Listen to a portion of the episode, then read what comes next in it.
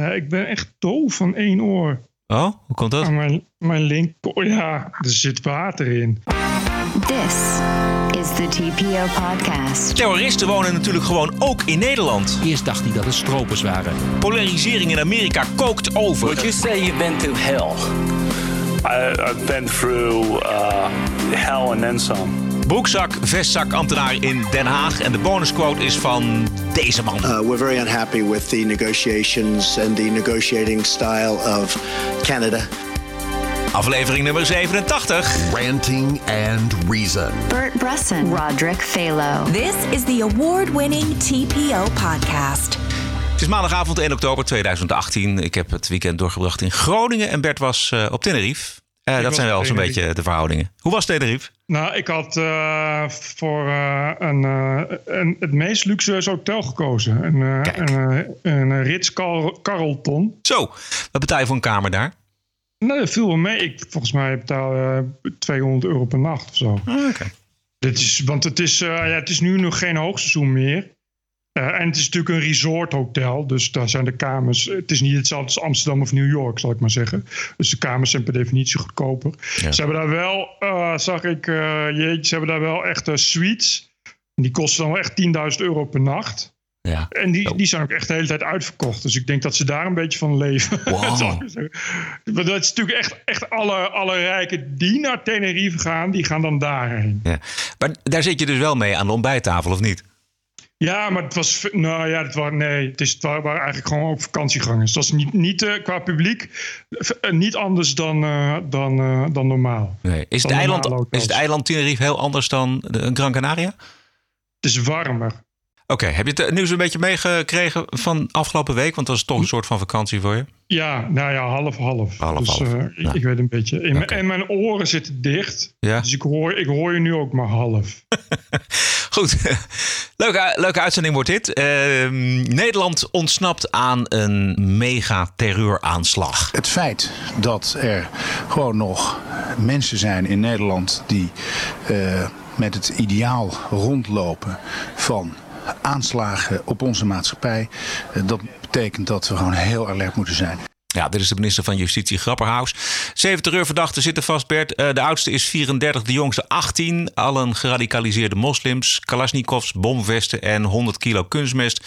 Is er gevonden, schijnt er gevonden te zijn. AIVD heeft natuurlijk geweldig werk gedaan. Maar eh, dit soort gasten wonen gewoon in Arnhem. En twee in de buurt van Rotterdam. Dat, dat, dat realiseren ons eh, te weinig. Tenminste, ik. Ik weet niet hoe dat bij jou zit. Maar d- dit woont gewoon in Nederland. Ja, en er zat er toch ook al eentje bij die eerder naar Syrië wilde uitreizen. Bedoel, Ja, een aantal. Er er zijn wel een aantal connecties. Daarom was het voor de IVD natuurlijk ook wel een, een clubje om in de gaten te houden. Het is wel zo dat, dat, dus, dat het dus al verdachte figuren waren. Ja. Dus ik vraag me af of ze niet al eerder hadden kunnen worden opgepakt. Maar goed, misschien was dit wel de loop, de loop van de zaken. Ja. Om juist op dit punt op te pakken. Omdat je dan ook voldoende bewijs Nou, hebt. precies, dat is het natuurlijk ook. Eh, kranten staan weer overvol, van, eh, overvol met de, de bekende vraag: hoe radicaliseren mensen? Eh, het- dat heeft altijd een soort valse hoop in zich dat je radicalisering zou kunnen voorkomen, voor kunnen Oh, zijn ja. of, of zou kunnen genezen. Vond zelf eh, de- het lange interview in de Volkskrant met Jason Walters, eh, voormalig lid van de Hofstadgroep, eh, toch altijd leerzaam. Eh, hoewel het, eh, hij eigenlijk ook zegt, van, ja, je kunt niet zo heel erg veel doen tegen radicalisering. Wat bij hem gebeurde was dat hij in de gevangenis begon te twijfelen aan zijn geloof. Het is een intelligente jongen, dus hij, hij op een gegeven moment dacht van ja, maar wat is nou eigenlijk waar? En uiteindelijk las hij Plato en was hij genezen. Ja, dit is een intelligente jongen. Ja. Die überhaupt in staat is Plato te lezen. Ja. Dat, Dus- dat, gezien, eh, gezien de klungelige manier waarop deze nogal jonge jongens kennelijk het een en ander hebben aangepakt, lijkt me niet dat er van veel intelligentie sprake is.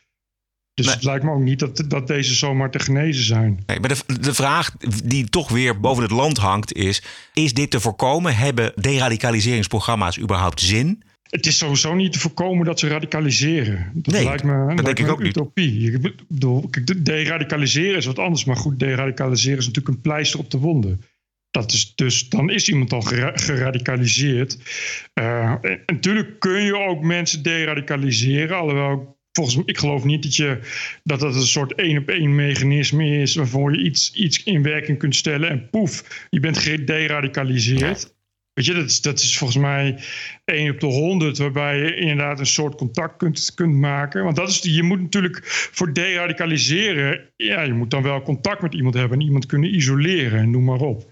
Dus dit is niet, niet iets wat je even, even in een middagje, even in een middagje doet. Nee. Eh, En mensen zijn natuurlijk gewoon vrij om te geloven wat ze willen geloven. Dus de- of dat nou via Ja. internet gaat of via de salafistische moskeeën in Nederland. Of, of hoe dan ook, dat maakt niet zoveel uit. Of in een, in een leesclubje of wat dan ook. Dat, dat, dat is volgens mij niet tegen te houden. Ik denk wel dat Nederland door het oog van de naald gekropen is wat deze betreft. 100 kilo kunstmest is wel. Het is niet voor je tuin volgens mij. Voor, voor trans zit je vol eh, met, eh, met explosieven. Jij bent nogal technisch aangelegd. Hoe, hoe maak je van kunstmest een bom? Nee, dat weet ik dus niet. Dat is eh, inderdaad, het is echt zo'n heel bekend ding, inderdaad. Het is echt al sinds, sinds 9-11 ook, eh, wordt je, wordt je in Amerika ook geregistreerd als je kunstmest koopt. Vooral in grote hoeveelheden. Dan komt er vanzelf een keer iemand van de FBI aan je deur kloppen om te vragen of ze even mogen zien wat jij met kunstmest doet. Maar ik weet helemaal niet, maar, maar volgens, mij zit, volgens mij zit er een nitraat in. Ja. En, en dat is een onderdeel van explosieven. Dus je kan uit kunstmest zitten precieze stoffen die, die zeg maar normaal ook in dynamiet eh, zitten. En, en ik heb er eigenlijk nog nooit opgezocht hoe je dat precies doet. Ik was ook nooit, niet, nooit van plan geweest een aanslag te plegen, nu nog niet. Dus daar zit ook niet echt een noodzaak om het dan op te zoeken. Maar volgens mij, wat ik ervan meekrijg, is dat het ook wel een eenvoudig scheikundig proces is. Waar, dat je van kunstmest dus een bom kunt maken. Eh, los van deze zeven personen werd er ook geschoten in de bossen bij Wezep. De politie heeft gisteren ook het bos tussen Hattem en Wezep met speurhonden uitgekampt. Want hier is een schot gehoord. We hebben de schoten niet gehoord, maar wel van de boswachter dat hij bijna geraakt is. Het scheelde een meter, zei hij. We hebben gesproken met de boswachter. Omdat hij betrokken is bij het onderzoek mag hij ons niet voor camera te woord staan. Hij bevestigt dat er in ieder geval twee mannen in lange gewaden waren in het rustgebied voor wild. Eerst dacht hij dat het stropers waren. Hij zegt dat hij is beschoten, maar of dat gericht is geweest kan hij niet zeggen. Hij is geschrokken. Zoiets verwacht je niet in een bos, zegt hij. Nee, dat nee, verwacht je niet volgens mij. Als je boswachter bent, dan loop je daar volgens mij wel met een geweer. Maar dan verwacht je niet dat je beschoten wordt. Scheelde een meter, Nou. zei hij. Ja. In, elk geval niet in de bossen van Hattem. Nee. Is dat hetzelfde? Bossen van Hattem en Wezep, ja. ja. Eh, op, op, eh, in het weekend, een zonnig, eh, zonnig weekend, is dat een, eh, gewoon een bos waar eh, mensen recreëren en zo. Ja. Maar eh, ja, hij werd volgens mij werd hij beschoten met een luchtbugs. Ja, daar kun je mee oefenen met een luchtbugs, volgens Ja, mij. nee, Hè? ik, ik, ik vond de, ik- de reactie van veel mensen van ja, nou, er is toch niks aan de hand. Maar het zijn Syriërs met baarden in gewaden die aan het oefenen zijn op, met schieten. Ja, lijkt mij 1 plus 1 is 2. Ja. Ik weet niet, het is toch een beetje weer het verhaal van, dat zag je na 9-11 ook. Dat er achteraf zegt, dat, dat je dan achteraf moet zeggen, goh, ja, was misschien toch opvallend dat iemand ineens vlieglessen wilde nemen. En eigenlijk niet zoveel wilde leren behalve bochtjes maken. Ja, precies. Ja, Opstijgen en dalen, daar had hij geen zin in, geloof ik. Het, Nee, ging precies. alleen om rechtdoor vliegen. Ja. Nou, onze correspondent eh, voor de bossen bij Wezep is Juriaan Maassen uit Veghel. En die heeft, heeft een heel mooi eh, aantal zaken op een rijtje gezet op Facebook. Ehm, hij zegt, eh, de verdachten zijn wat een buurtbewoner noemde strenggelovige moslims uit Afghanistan.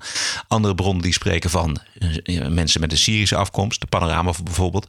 Verdachten zijn aangetroffen in het bos gekleed in traditionele islamitische gewaden. Verdachten hielden een eh, schietoefening vanaf een hoog plateau in het bos. Verdachten zijn na ontdekking door een boswachter het bos uitgerend met een vluchtauto. Na zoekactie zijn verdachten aangehouden in een woning. Verdachten bekennen tijdens verhoor de luchtdrukpistolen te hebben verborgen. En de Telegraaf meldt nog dat volgens bewoners van die eh, Azalia-straat in Hattem, waar de inval was, eh, daar viel geruime tijd al op dat er in de woning iets broeide. Auto's die voorreden met volle koffers erin en eh, een weekend weg. En een week later gebeurde hetzelfde. Nou ja, wat, wat, wat, wat buurtbewoners opvalt, dat is daar moeilijk een pijl op te trekken. Maar alarmbellen genoeg. Verdachten zijn na enkele uren toch weer gewoon door de politie vrijgelaten. Dit is echt. Nee, ja, Dit is ik- rechtuit ik. Ik, zei ook al tegen Juriaan, dit bij 9-11 was dus echt hetzelfde. Want die Mohammed Atta, die woonde ook ergens waar het inderdaad regelmatig een Syrië kwam. En die ging dus ook regelmatig weekendjes weg. Weet je, en inderdaad, er kwam dan af en toe een dure auto met, met mensen in gewaden. En die gingen dan het pand in. En dat pand is dan ook nog eens keer dan bezocht door, door iemand uit Saoedi-Arabië. bleek dan achter, weet je. Dus allemaal van die dingen dat je denkt van nou, dat, is- dat, dat kan niet gewoon allemaal toeval zijn. Dat is wel heel, heel bizar als het allemaal toeval is. Dus nu heb je weer, nu heb je dus inderdaad weer, dus buurtbewoners zeggen, ja, er, ge- gebeurt daar iets. Het is duidelijk dat ze geradicaliseerd zijn. Het is duidelijk dat ze, ze dragen die baarden en gewaden. Duidelijk dat ze, eh, dat ze zware, zware religieus eh, islam zijn.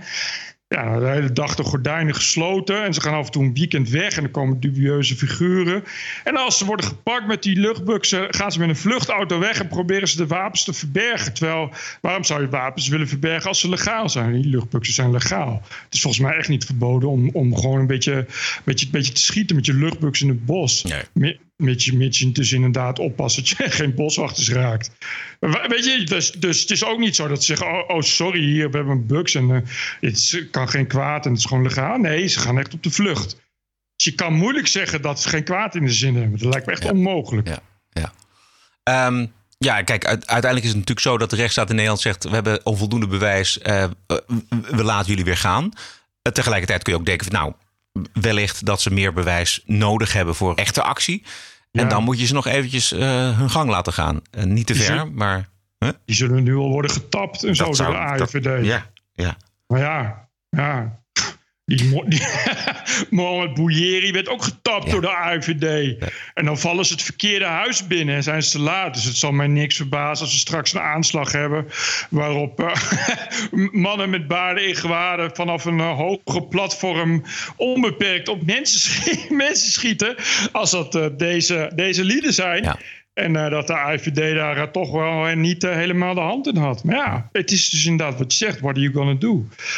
Je moet daar wel bewijs voor hebben. En dit is natuurlijk wel, denk ik, ruim voldoende bewijs om ze te mogen volgen. Maar ja, nu weten ze dat ze gevolgd worden. Dus zullen ze wel hun eieren voor hun geld kiezen. Toch dringt de vraag zich op, Bert, wat deze mensen in Nederland doen. Ze worden eh, ontvangen, ze krijgen een huis, eh, ze hebben soms wel een baan. En uiteindelijk wensen zich eh, af te keren van de samenleving en letterlijk met alle geweld de boel op te blazen. Ja, nou, maar goed, dus dat is de reden waarom ze hierheen komen. Omdat ze, dat ze hier kwaad willen doen. Ze haten het Westen. Dus dan moet je daarheen om, je daar, om daar de aanslag te plegen. Daartegenover staat, en dat speelt nu ook in Nederland, dat is een groep van 400 eh, kinderen. Hè. Het, het, het kinderpardon komt weer op. En dat is allemaal naar aanleiding van een meisje uit Armenië. En haar naam is Hai Arpi. Eh, pardon, na deze. negen jaar in Nederland. Ik kom oorspronkelijk uit Armenië. Ik ben een tweedejaars student econometrie aan de Universiteit van Tilburg. Ik schrijf gedichten en geef bijles aan kinderen. Ook ben ik politiek actief voor de ChristenUnie. Na drie positieve uitspraken van rechters en een asielprocedure van zes jaar, dreig ik samen met mijn broertje en zusje te worden uitgezet naar Armenië. Alsjeblieft, de Wind en Gertjan Zegers. Vraag Harbers om mij, mijn broertje en mijn zusje te helpen. Jullie hebben de macht. Gebruik hem alsjeblieft voor ons en voor 400 kinderen als ons. Wij zijn onschuldig. Dit meisje studeert econometrie in Nederland. Is verder prima eh, geassimileerd. eh, eh, hoort hier helemaal thuis. Zij moet het land uit. En misschien nog 400 andere kinderen ook. En dit soort gasten uit Afghanistan en, en mensen met connecties in Syrië... die hier een huis hebben, die dit soort acties plannen... die worden wel geaccepteerd. Het klopt natuurlijk niet. Nee, het is verschrikkelijk. Het is verschrikkelijk. Hier hoor je ook een meisje die dus uit Armenië komt. En a- na negen jaar dus niet alleen zo goed Nederlands spreekt... maar ook gewoon econometrie kan studeren. Een studie die ik niet eens zou kunnen volgen. eh zou ik maar zeggen, qua moeilijkheidsgraad. En ik mag leiden dat ik hier over negen jaar in Spanje net zo goed Spaans spreek als zij Nederlands spreekt. Dus dit zijn mensen die zijn eigenlijk nog beter ingeburgerd dan de gemiddelde Nederlander. Daar ga je nog meer aan hebben dan, dan, dan, dan wie dan ook. Dit zijn de ideale, ideale eh, voorbeeld eh, asielzoekers. Ja. Ja, en dan zeggen, dan zeggen ze ja, nee, wet is wet. Terwijl, weet je, op alle andere fronten, als je als burger je recht wil halen, dan denk, blijkt ineens dat die, dat die rechtsstaat niet zo goed werkt. Zoals jij dat wil.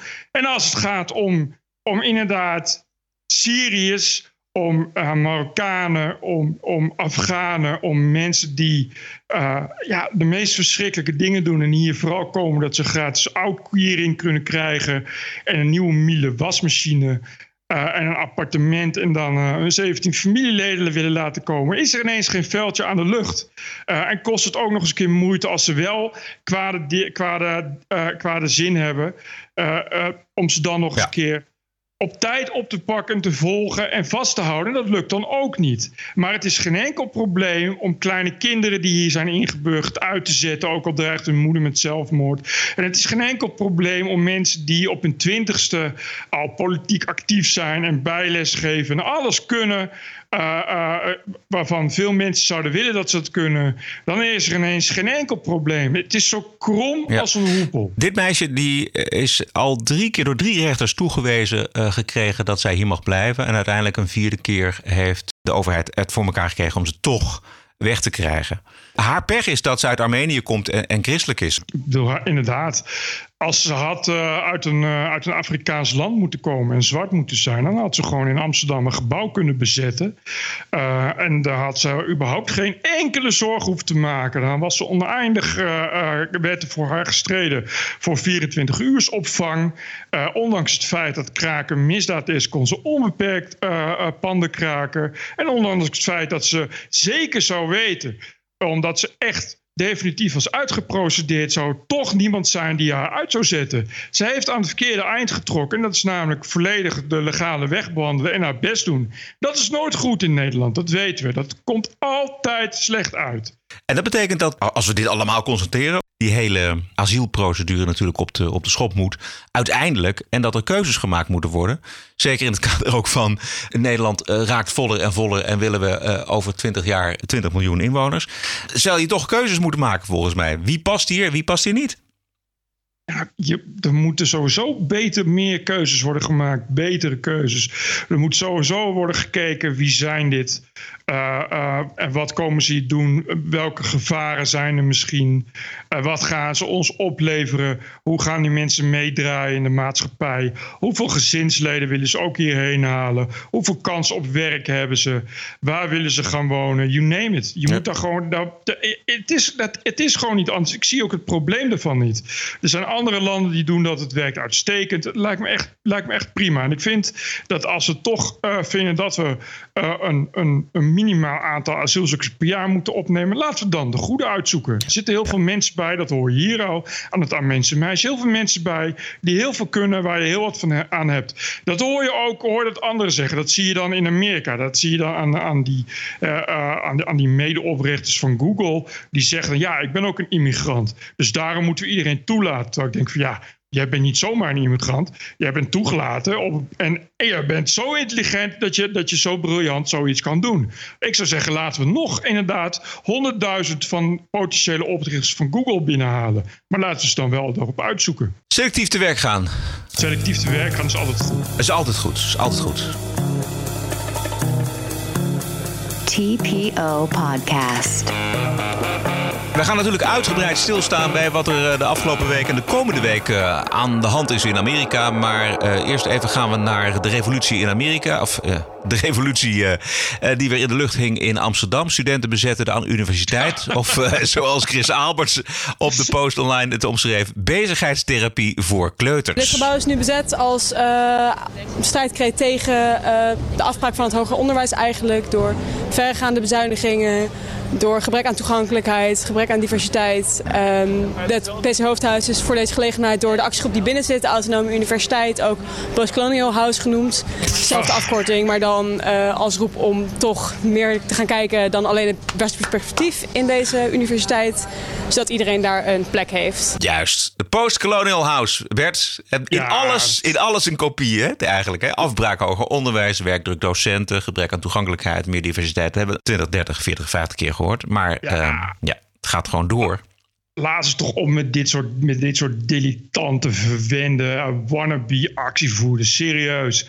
Ik was echt dolblij uh, dat ze snel werden ontruimd. Uh, ik bedoel, de, de, universiteit heeft ook meteen aangifte gedaan. Dus de ME stond eigenlijk ook meteen op de stoep. Uh, ja, weet je, ik, ik, ik ben eigenlijk niet van. Uh, ik vind niet dat de ME dan hard moet optreden. Maar dit moeten we echt stoppen. Dit soort lui moeten we ophouden, ook met serieus nemen. Het is echt boerroep om het boerroepen. En ik ben echt helemaal klaar met dit soort mensen. En het zou fijn zijn als de universiteit ook een keer klaar is met dit soort mensen. En nou helemaal de media, de Amsterdamse media. Want dit soort mensen wordt oeverloos een podium gegeven om telkens maar weer hunzelfde cliché gemekken tegen horen te brengen. En het is echt totaal zinloos. En het is elke keer gewoon dezelfde jammerklacht van een kleuter wat, wat geen tweede koekje krijgt. En dat weten we nu wel. We, we weten nu wel hoe vervelend die generatie is. En hoe uitzichtloos, hoe uitzichtloos die mensen zich, zich schuldig maken aan jammeren en klagen. Terwijl 90% van die universiteitsstudenten wel gewoon gaat studeren. En wel gewoon naar colleges gaat. En geen tijd heeft om, om, om zaken te bezetten. En ook dat zich daar helemaal niet wel mee wel bezig wil houden. En als ze dat wel willen, wel normaal gewoon uh, beslagen ten ijs kunnen komen. Dus laten we een grens trekken en zeggen: we zijn nu echt klaar met dat dwingende gejammer. We zijn klaar met het agressieve gedrag. We zijn klaar met, met, met dat semi-intimideren en dat semi-intimidatie. Lekker oprotten uit onze stad. Ga maar lekker een eigen universiteit beginnen. In een eigen stad, op een eigen landje. Doei! Oké, okay, dan gaan we naar Amerika. The FM Talk Station. The Rush 24-7 Podcast. Los Angeles. And now, America's most exciting radio talk show. The Savage Nation.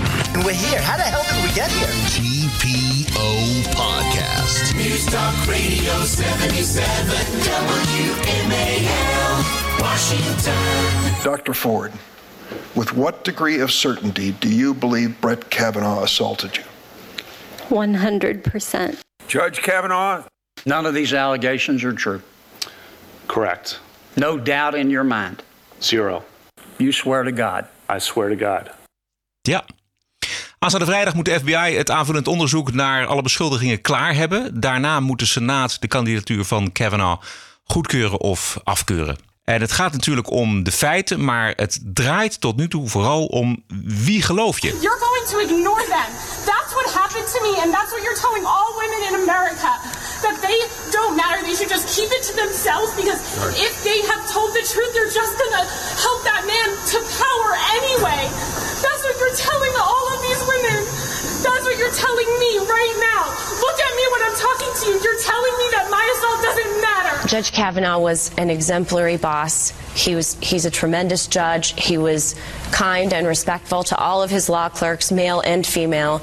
There wasn't a hint, as he alluded to in his testimony, there never has been a hint in his entire long professional career of anything like disrespect toward women. Ja, veel fascinerende momenten afgelopen week. Hoe heb jij daarnaar gekeken, Bert? Met uh, veel plezier. Vooral uh, dit soort huilende Triggly-puffs die, uh, die, die de benoeming van Kevin volledig op zichzelf betrekken. En dan ook doodleuk zeggen.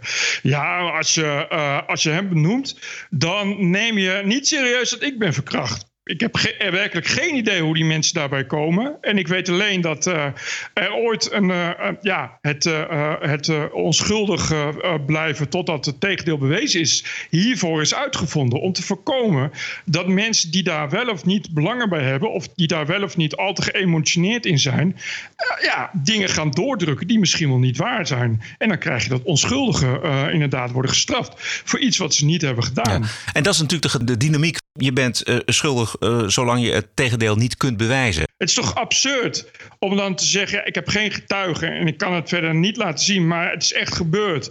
Het is mijn woord tegen het zijne, maar mijn woord is meer waard dan het zijne. Dus daarom moet zijn carrière nu kapot. Ja, ik vind dat absurd. Ja. Er zijn nog meer beschuldigingen van seksuele misdragingen van deze Kavanaugh. Um, er zijn nog twee andere vrouwen. Een kamergenoot van een van die vrouwen toen herinnert Kavanaugh zich niet als seksbeest, maar wel als een stevige drinker. What do you know about Brett Kavanaugh that he was not truthful about in the hearing? Well, I've known Brett since the very beginning of freshman year. He was always uh, one of the beer drinking boys, and I drank beer with him. I liked beer. There's no problem with drinking beer in college. The problem is lying about it. He drank heavily. He was a partier. He liked to do beer bongs. He played drinking games. He, he was a sloppy drunk.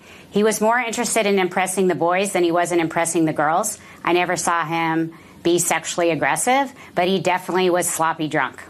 So, in terms of the allegations of a more serious nature, you have nothing on that. You never saw him do anything that you would call wrong or offensive or inappropriate with any women. Good to note, out of fairness. However, his description of himself as certainly in high school, I was about my church programs, going to church, studying, being scene number is one, doing my sports teams.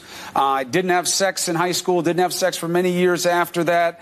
Loved beer, but that's it, nothing to excess. You don't buy it. I don't buy it. I I um I didn't that's not the Brett I knew as soon as I met him in college. It's not the Brett I saw during 4 years at Yale and um, I don't think many of his answers were credible. Dit is ook natuurlijk maar het- haar verhaal tegenover het verhaal van Brett Kavanaugh. Maar dit is wel problematisch natuurlijk. Want als er getuigen zijn die beginnen te twijfelen aan zijn getuigenis voor de Senaatscommissie, ja, dan wordt het lastig volgens mij. Ja, dat heeft hij ook niet slim gedaan. Nee. Het ligt, ligt natuurlijk voor de hand dat eh Brad Kavanaugh, gezien de positie waar hij nu is, inderdaad een eh, populaire jock was. Al vanaf, ha- vanaf high school, eh, vanaf high school eh, leeftijd eh, en daarna naar, eh, naar college en university ging eh, eh, en eh, met de jongens van het koor omging. Dus tuurlijk heeft hij eh, vooral inderdaad heel veel stoere dingen gedaan en drankspelletjes gedaan. Ik denk dat er eh, eh, eh, niemand is die zeg maar in zijn positie verkeerd niet hetzelfde heeft gedaan. Dus ik begrijp niet waarom hij zo dom is geweest om daarover te liegen. Maar ja, hij is natuurlijk een, eh, eh, de, de allerhoogst geplaatste conservatief in het land zo'n beetje. Dus ja, dan zeg je niet van, zeg je niet van ja, ik heb alleen maar gezopen en genaaid en ik ging nooit naar de kerk. Dit speelt natuurlijk bij hem. Want eh, hele conservatieve mannen, en dat, dat, dat is deze man waarschijnlijk, die hebben toch iets van: nou ja, ik heb in het verleden wel eens wat gedaan. eh, maar dat heb ik in de afgelopen 20, 30 jaar weggedrukt. Weet je wel? Die, Ja. die, die kunnen zich vaak vromer voordoen dan ze natuurlijk feitelijk zijn. Dan men, ja, de mensheid is. Dus Nee, hij, had, hij had natuurlijk gewoon, eh, hij had natuurlijk gewoon eh, boete en berouw moeten doen. Ja. Dat past ook heel erg hè, in, die, in die conservatieve lijn. Ik, ik, ik durf je op een briefje te geven dat 80% van die rechters ooit alcoholist was. maar Hè, natuurlijk, Bert, natuurlijk. Zelfs George, George Bush W. is ook ex-alcoholist en ook born again Christian, weet je. Dus dat zit heel erg ook in die, in, in die conservatieve sferen. Dus dat is echt geen probleem. Hij had kunnen zeggen, ja, ik was vroeger een wild beest, maar ik heb de, de- ik heb de afgelopen twintig jaar God weer gevonden en mijn weg weer gevonden, et cetera. Hij is zo dom geweest om te denken, ik ben hier snel vanaf door te zeggen, niets aan de hand, ik ben het keurige mannetje. Ja, dat, dat is natuurlijk vragen om problemen. Dat had natuurlijk ook best iemand hem kunnen vertellen. Maar goed, eh, het zijn natuurlijk eigen gerijde mannetjes. Hij is wat dat betreft net, eh, eh, net Trump zelf, weet je wel. Ja, eh, hij heeft dan wel gezegd van nou, ik, ik, ik hou van bier, maar eh, niet- eh, ik heb niet overmatig bier gedronken. Over Trump gesproken, die stond er toch eigenlijk wel heel tot nu toe vrij relaxed in, moet ik zeggen. I can always be convinced. It I have to hear it. It sounds like what you're saying is there is a situation, there is a scenario under which you would withdraw Brett Kavanaugh's nomination. Is that correct? If I thought he was, if I him? thought he was guilty of something like this, yeah, sure. And you will wait until tomorrow to make up your I mind. want to watch. I want to see. I hope I can watch. I'm meeting with a lot of countries tomorrow, but I will certainly, in some form, be able to watch. And I'll also rely on some very fair and talented Republican senators who, look, if we brought George Washington here and we said we have George Washington, the Democrats would vote against him, just so you understand. And he may have had a bad past. Who knows? You know, he may have had some. I think accusations made. Didn't he have a couple of things in his past? George Washington would be voted against 100% by Schumer and the con artists. Dat is, eh, zegt het precies helemaal goed. Bovendien, ja, je, je, je, je, eh, het is heus niet zo dat ze eh, Brad Kavanaugh even uit een hoed hebben getrokken. Ze hebben heus al nagegaan wie, wie, wie een schoon verleden heeft en zo. Dus ze gaan ervan uit dat, dat niet, dit niet hard gemaakt kan worden. En ik geloof oprecht dat, dat Trump en, en, eh, en de mensen die met hem samenwerken ook oprecht geloven dat die Kavanaugh schoon is. In elk geval wat, wat vrouwen, wat, wat, wat, wat die aanklachten van seksuele aanklachten betreft. Ja, maar dat, weet, dat, weet, dat, dat zal Trump ook niet weten. Nee, het, is- precies, het is dus- een man met een keurige reputatie. eh, vanaf zijn twintigste, zullen we maar zeggen. Dus wat moet je dan? Je, je gaat op zoek naar een rechter. Ja, dan ga je op zoek naar, de, naar degene met, met de beste cv en de beste reputatie. Ja, en dan als er dan klachten komen, moet je dan maar... Nou, dat is natuurlijk wat er gebeurt. Dan moet de FBI nog maar eens onderzoek doen. Dan moet er een, een, hoor, een hoorcommissie komen. Ja, als het niet kan bewezen, dan, dan, ga ik, dan ga ik als Trump... zou ik als president inderdaad ook zeggen van... ja, maar dan ga ik hem niet weghalen. Als het wordt bewezen, tuurlijk, dan halen we een nominatie weg. Die trekken we in. Als het niet kan worden bewezen, is wat ons betreft gewoon een goede rechter. Ondertussen krijgt iedereen die neigt naar deze Kavanaugh een goedkeuring te geven. Voor zijn kiezen. Ted Cruz eh, is senator voor Texas. Hij zat te dineren in een restaurant en eh, nou, daar gingen ze weer. We believe survivors! We believe survivors! We believe survivors! We believe survivors! Zit je dus te eten met je vrouw? Vreselijk. Vreselijk. Volgens Don Lemon, dat is een van de anchors bij CNN, heeft hij hier gewoon voor getekend. One, it's survivors, right, of sexual abuse. Um, I'm one.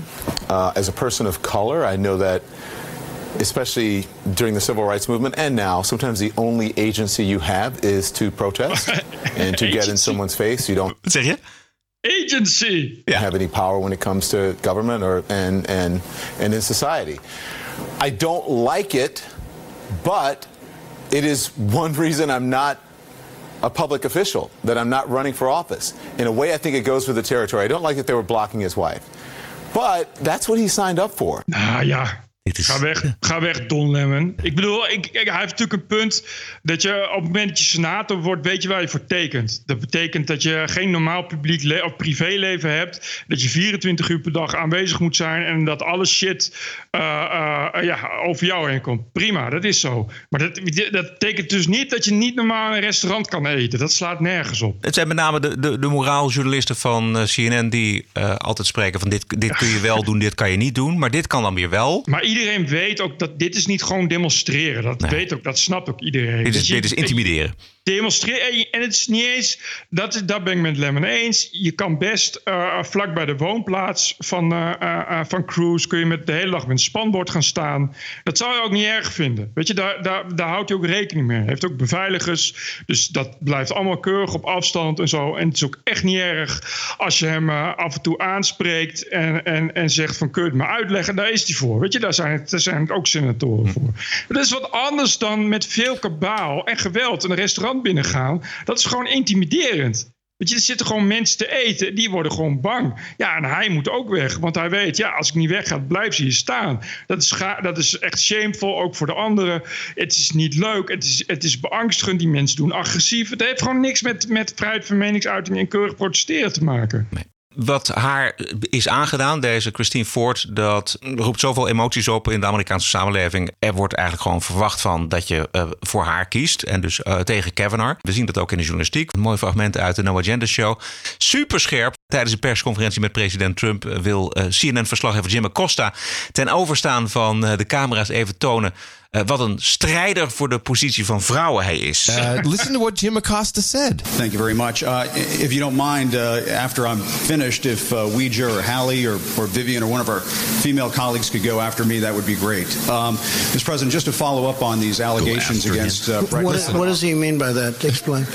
What what is what Well, does that it mean? Be, I think it would be great if a, if a female. What does it mean? reporter- No, what does it I mean? It'd be great if a female reporter would ask you a question about the, this issue. So what he's saying is, after I'm done, after the man here is done, could you? You probably should let some women go. He doesn't even realize how stupid he sounds. it's terrible. I mean, he literally says, "After I'm done." Here, listen to this. Thank you very much. Uh, if you don't mind, uh, after I'm finished, if after I'm finished, uh, you should probably ask a woman about this. You know, it's like uh, I'm trying to promote women here. After me, what a dick! He is a total dick. Oh, disgusting. Die jongens van CNN die maken er echt zo'n potje van. Gewoon zo'n Jim Acosta, zo'n Don Lemon. Zo'n Rachel Maddow ook die dan bij MSNBC eh, Oh, huilend in de camera kijkt. Maar het is... vrees. eh, die journalisten, die anchors, die, dat waren vroeger allemaal ja, eh, mannen en vrouwen uit beton. En nu moet het allemaal emo zijn. Maar het probleem is, kijk, kijk Lemon en eh, Rachel Maddow, die, die zitten gewoon achter een desk. Dus die maken gewoon televisie. Eh, dus die doen ook een beetje wat er van hun wordt verwacht, zal ik maar zeggen. Die maken nou typische Amerikaanse televisie. Hoe meer, hoe meer fake huilbuien en, en geveinsde oprechtheid, hoe beter. Alleen Jim Acosta, die zit ook gewoon in, in het Witte Huis om vragen te stellen. Ja. En dat lijkt me echt een ontzettend hinderlijk figuur. Die spant toch wel echt de kroon aan hinderlijk gedrag, volgens mij.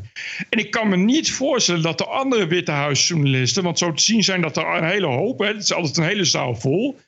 dat die niet af en toe echt spuugzat worden van die narcistische clown... die inderdaad elke keer zo'n beetje zichzelf in de spotlights manoeuvreert... terwijl er een miljoen vragen te stellen zijn aan Trump. En dan komt Jim Acosta weer, die eigenlijk ook helemaal geen vragen stelt... Maar alleen graag even Jim Acosta laat zien wie Jim Acosta is. De Jim Acosta Show. Dat je ook denkt, ik, ik kan me, ik, en dan snap ik best dat zo'n Trump zegt: Ik ben die gast nu echt zat. Wij Ja, gaan maar de toekomst ja, voort. Maar dat was ook zo goed, ja. Dat hij ook zegt van, ja, maar, en dan kijkt hij ook naar die vrouwen. Trump kijkt naar die dames en die vraagt aan die dames, wat bedoelt hij? Ja, ja, precies. Do you, do you know, you're a woman, do you know what he means? Because, Wat is dit? as, as I understand it. Ja, dat is zo goed, jongen. Ja. Ah, ja, maar het is, dit is, dit is, ja, dit is het, het, het dramatische dieptepunt waar, waar eh, biased Amerikaanse journalistiek nu op uitdraait. Waar is CNN, waar, waar, waar is die zender naartoe gegaan, man? Ja, want het gaat echt helemaal niet goed met CNN. Oh, het is niet, nou, het is dat niet weet ik niet. Is het, nee? Nee, de kijkcijfers gaan elk jaar, elke, elke kwartaal is slechter. Dus het is, het is niet zo dat ze daar eh, echt, eh, echt heel veel zieltjes mee winnen. Ja, die, die baas van CNN, die hevig bekritiseerd, die heeft dit zo allemaal gedraaid. Die heeft het zo gemaakt van we gaan het hierop zetten, we gaan het hierop doen. We gaan echt ja, polariserende, antipopulistische populismebedrijf, zal ik maar zeggen. In, in, in, in, onze, in onze journalistiek, in onze zender. Dus inderdaad, in de hoop van, van ja, het is, natuurlijk, het is natuurlijk wel echt de battle of the titans. Hè. Het is nu echt nu of nooit, want al die televisiezenders gaat het slecht. Dus het is nu allemaal, allemaal haantje de voorste om ook maar elke kijker hè, en elke spektakel kun je gebruiken, want dat trekt kijkers. Maar ja, dat is, het is natuurlijk wel roofbouw op, op, je, op, je journalistieke, op je journalistieke vlak. Ja, dat zou je zeggen. Ik begrijp wel hoe het journalistiek werkt. Zeker ook eh, eigenlijk bij al die zenders en ook bij de kranten. eh, in Nederland merken we dat natuurlijk veel minder. Maar die Trump die genereert eigenlijk voortdurend dit soort verhalen. En, dat, en, en je vult Exact. wel lekker je uren ermee. Exact. Nou ja, dat is, dat is waar het om gaat. Kijk, kijkers willen spektakel zien. Dat is natuurlijk een, een gouden televisiewet. En dat is vanaf het moment dat Trump eh, in die office werd verkozen, was dat, wa- was dat gelopen koers. En dat blijven ze zo volhouden. Het probleem is natuurlijk dat het een keer ophoudt en dat je dan niet moet verwachten dat mensen dan nog van jou een betrouwbare nieuwszender willen maken. TPO Podcast. Iets leuks. Via onze regionale kanalen. Goede berichten uit Den Haag. De Hofstad die heeft een nieuw bestuur sinds de gemeenteraadsverkiezingen. En eh, Richard laat er geen mos over groeien.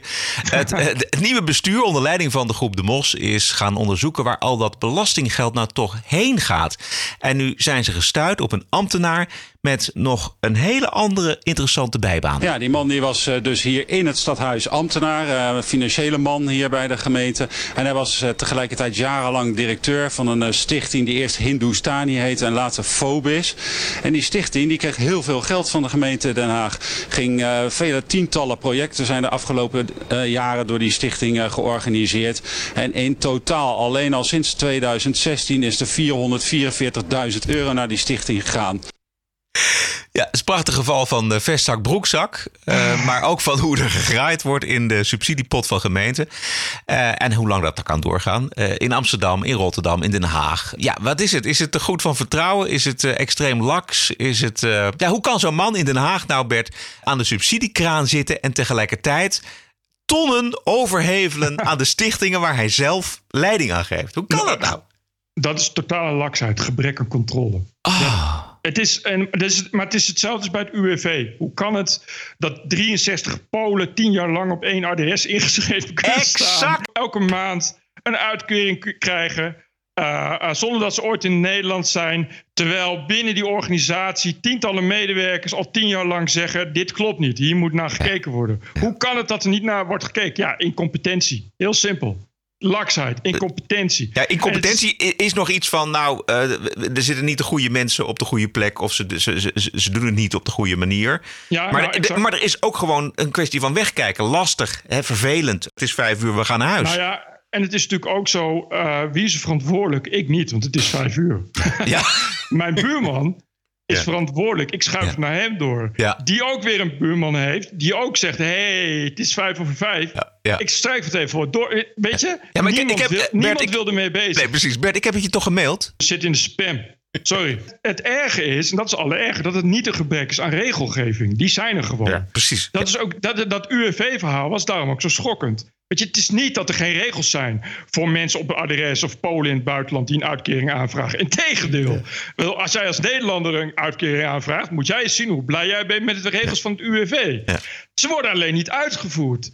En dan heb je een probleem. Want ja, kijk, die rechtsstaat die, die, die gaat over wetten en regels. Maar ja, als die niet worden uitgevoerd, dan kun je dus niks meer. Maar er zit ook iets anders bij volgens mij. En dat zag je ook in Amsterdam met die deradicaliseringsprogramma's nog uit de koker van Verlaan. Goed van vertrouwen. In Den Haag, deze man ook. Subsidie Zee- naar absoluut. allerlei mooie cursussen. En, oh, luister even, waar het geld naartoe gegaan is. Fototentoonstellingen, eh, eh, cursus weerbaarheid voor meiden, eh, cursussen op het gebied van LHBT, eh, emancipatie van mannen, dat soort dingen moet je dan allemaal aan denken. Ja, dus goede doelen. Maar ondertussen wel vier ton overhevelen. Nee, maar we hebben in Amsterdam jaren hetzelfde gehad. Het is de laatste jaar wel echt beter geworden. Maar dus ook na pak een beet 25 jaar van aanhoudende kritiek. Maar dat was ook hè, dat, dat, dan, dat dan de subsidies gingen vooral naar eh, stichtingen eenmansmuziek en eh, muzikanten lichte muziek en hoofddoekjes vouwen. En eh, ja. precies dit, precies wat hij zegt. Fototentoonstellingen waar niemand komt. You name it. En, en, en waarom is dat zo moeilijk? Het, wat ik zeg, het heeft 25 jaar geduurd om dat te verbeteren. Nou ja, omdat dan... Ja, er was kritiek, maar dan zeiden mensen... Ja, maar ja, het is ook, het is ook goed bedoeld. Weet je, die subsidies zijn gewoon goed bedoeld. Terwijl ja, die mensen die zijn natuurlijk al lang geïnstitutionaliseerd. En die zitten gewoon 25, jaar- 25 jaar lang aan de subsidiepoet. Zonder dat iemand controleert of al die goede bedoelingen ook wel worden uitgevoerd. Of dat voetballen met jongeren in de Marokkaanse wijk... of dat er ook wel wordt gevoetbald met jongeren in de Marokkaanse wijk. Ja, het is echt, het, is, het, is, het komt echt voort ja, uit, uit de typische PvdA-cultuur. Van, van, van ja, laten we mensen ondersteunen en helpen. Dat doen we met subsidie. En daar wij hebben het beste met die mensen voor. En die mensen hebben natuurlijk ook het beste met ons voor. Dat is, het is echt, echt dat, zo simpel is het. Ehm, ik heb nog een bonusquote, Bert. Heb, of heb je nog een ander onderwerp waar je graag eh, eventjes Nou, de aandacht voor wil eh, hebben? Eén ding, ik, ik las dat er nu weer ophef was over Joep van het Hek. Over een column van Joep. En dat is de tweede keer, want de vorige keer had Joep van het Hek iets geschreven over pisnicht. En daar bedoelde hij geloof ik Albert Verlinde mee. Ik weet niet helemaal zeker. Eh, maar dat mocht niet, pisnicht. Dat was heel kwetsend voor homo's of zoiets. Eh, en nu heeft Joep van het Hek een column geschreven over Kavanaugh. Eh, en daarin schrijft hij van, nou ja... Weet je, toen ik jong was als scholier deed ik ook wel eens eh, aan eh, veel zuipen. En dan ging ik ook wel eens mis met de tongen met een meisje. En nou, nou, dat mag dus, eh, mag dus ook niet. Eh, op, oh, een grote algemene ophef van boze vrouwtjes. Salina Rijn en eh, was al boos. Nou, eigenlijk alle, alle bekende usual suspects vrouwtjes. En die zeggen nu van... nee, dit is kwetsend voor de goede vrouwenzaak. En zo maak je het vrouwen weer onmogelijk. Dit en dat. En ik vind dat geinig, want het is Joep van het Hek. Ik bedoel, Van Hek is natuurlijk ook een soort, soort, soort mislukte koorbal. Dus die heeft waarschijnlijk ook zijn hele leven niet anders gedaan... dan zuipen en proberen wijven te versieren. Eh, Ja, sorry, maar als je mijn verleden eh, blootlegt, krijg je hetzelfde, vrees ik. Natuurlijk ga je, ga je als je 17, 18 bent, probeer eens een keer eh, eh, met een meisje te zoenen. Of ga je iets te ver. En omdat je hebt gedronken, of ben je met z'n vieren en dan eh, eh, ga je iets te ver. Tuurlijk. Je, je, je dronk juist om, om wat te durven. Ja, exact. Maar, ik, ik, maar dat is precies wat ik, wat ik er zo op tegen heb. Dat er nu een cultuur wordt, wordt gecreëerd. waarin het allemaal fout is. Weet je, waarom je niet meer, niet meer mag aftasten. Die grenzen die, die ontstaan zolang je ze aftast. En, ja, en ja, natuurlijk, eh, je mag hopen dat, dat. En dat, dat is ook zo. De meeste mensen beslaan echt niet meteen aan het verkrachten. En natuurlijk gaat het soms als extra mis. Maar ja, wat, er is echt een idee van een MeToo begonnen. Echt op een gegeven moment ook echt, echt een, een idee te ontstaan dat. Nou, als je misschien al te lang naar iemand kijkt. of per ongeluk aanraakt op de knie. of, of zelfs al mee uitvraagt. is dat ook al seksuele intimidatie. Toen dacht ik echt van ja, jongens. Ja, ik, ik ben al te oud om daar nog. Maar ik dacht, van, als ik nu 20 was en ik woon in Amsterdam, dan zou ik echt denken: fuck you, ik ga niet, ik ga niet nu daar, daar ineens bang voor zijn. Want dan, dan, dan kun je niks meer. Nee. Dat, is nou, dat is hoe het gaat met jongens en meisjes. Ja.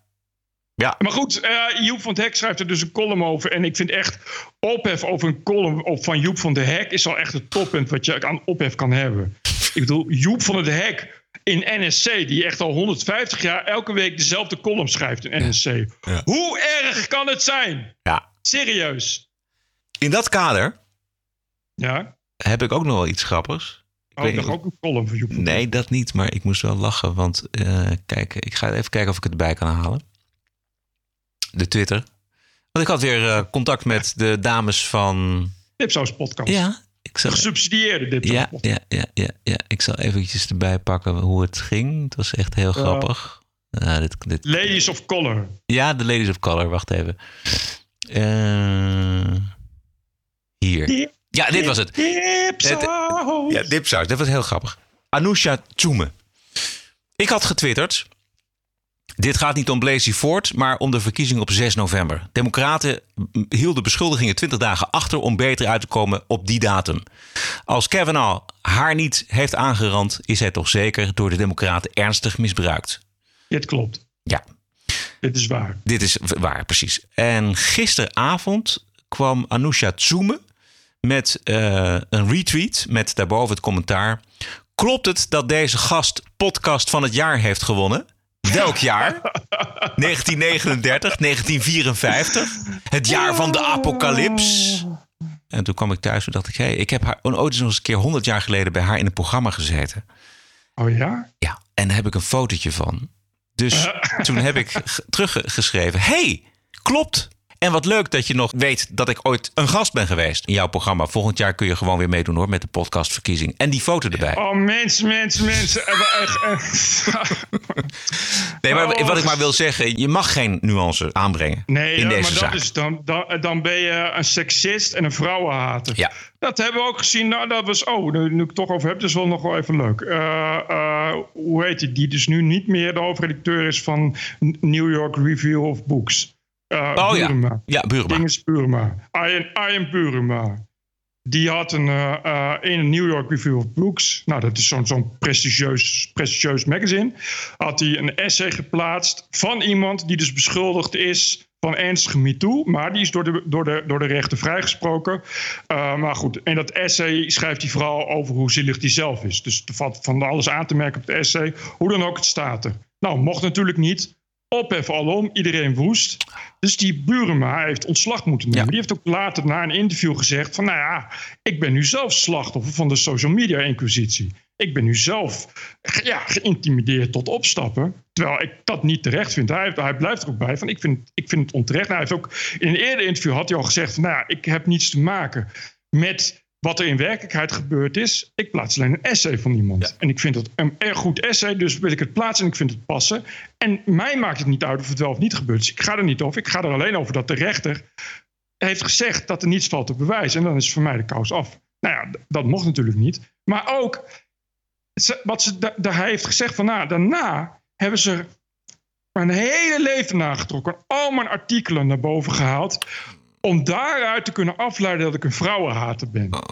Dit is een heksenjacht. Dat dus. Weet je, die man stapt al op. Want die zegt, ik bedoel, hij stapt op. Hij had natuurlijk ook nog zijn ontslag aan kunnen vechten en weet ik veel wat. Maar die stapt op omdat hij zegt, nou, ik snap, ik snap het probleem. Ik, ik snap, ik snap eh, de shit hier. Dus, dus laat, ik maar, laat ik maar de slimste zijn en dan Ja. zelf opstappen. En dan krijg je, zegt ja, je bent een vrouwenhater, je moet kapot. Zo, Een vrouwenhater, weet je, Arjen Burema, ik kan je nu al vertellen, ik ken zijn oeuvre niet, maar dat is zo'n keurige The Guardian-filosoof, Ja, zou ik maar zeggen. Zo'n Ja, hele- intellectueel. hele intellectuele, politiek correcte meneer. Die kan je nu al vertellen dat in geen van zijn werk ook maar iets valt te ontdekken over vrouwenhaat. Maar het is natuurlijk heel makkelijk uit de context quoten. Dat kan natuurlijk iedereen kan dat verbinden aan vrouwenhaat. Dat zie je maar aan, aan hoe, er gereageerd wordt door Anousa. Zoomen op, jou, op jouw dingen. Er valt natuurlijk altijd, altijd één en één is altijd drie. Maar ja, ik vind het zo. Het, het, is gewoon, het, het wordt gewoon een soort van terreur, wordt het. Oké, we gaan naar de bonusquote. TPO Podcast. Het is Amerika en Canada toch gelukt om vandaag een nieuw handelsakkoord te sluiten.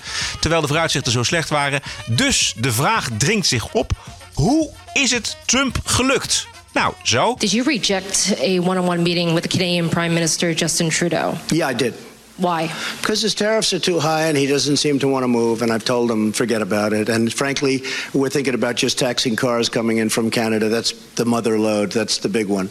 Uh, we're very unhappy with the negotiations and the negotiating style of Canada.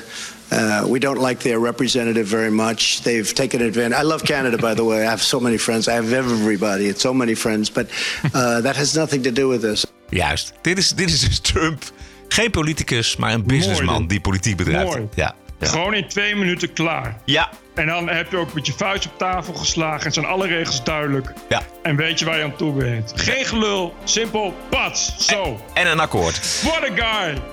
Tot zover aflevering nummer 87. Vindt u dit een leuk geluid of een belangrijk geluid? Steun ons dan met een donatie. Dat helpt ons en de podcast en uiteindelijk u zelf natuurlijk ook weer. Ga naar tpo.nl slash podcast. Daar vindt u de mogelijkheden om iets te doneren. Wij zijn dinsdag 9 oktober weer terug. Heb een mooie week en tot dinsdag. TPO Podcast. Bert Bruson, Roderick Balo, ranting and reason.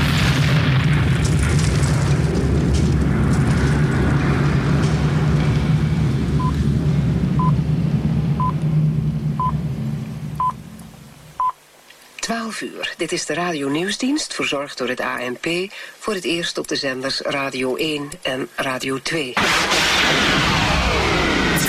TPO Podcast. The award winning TPO podcast can be heard on the No Agenda stream at noagendastream.com.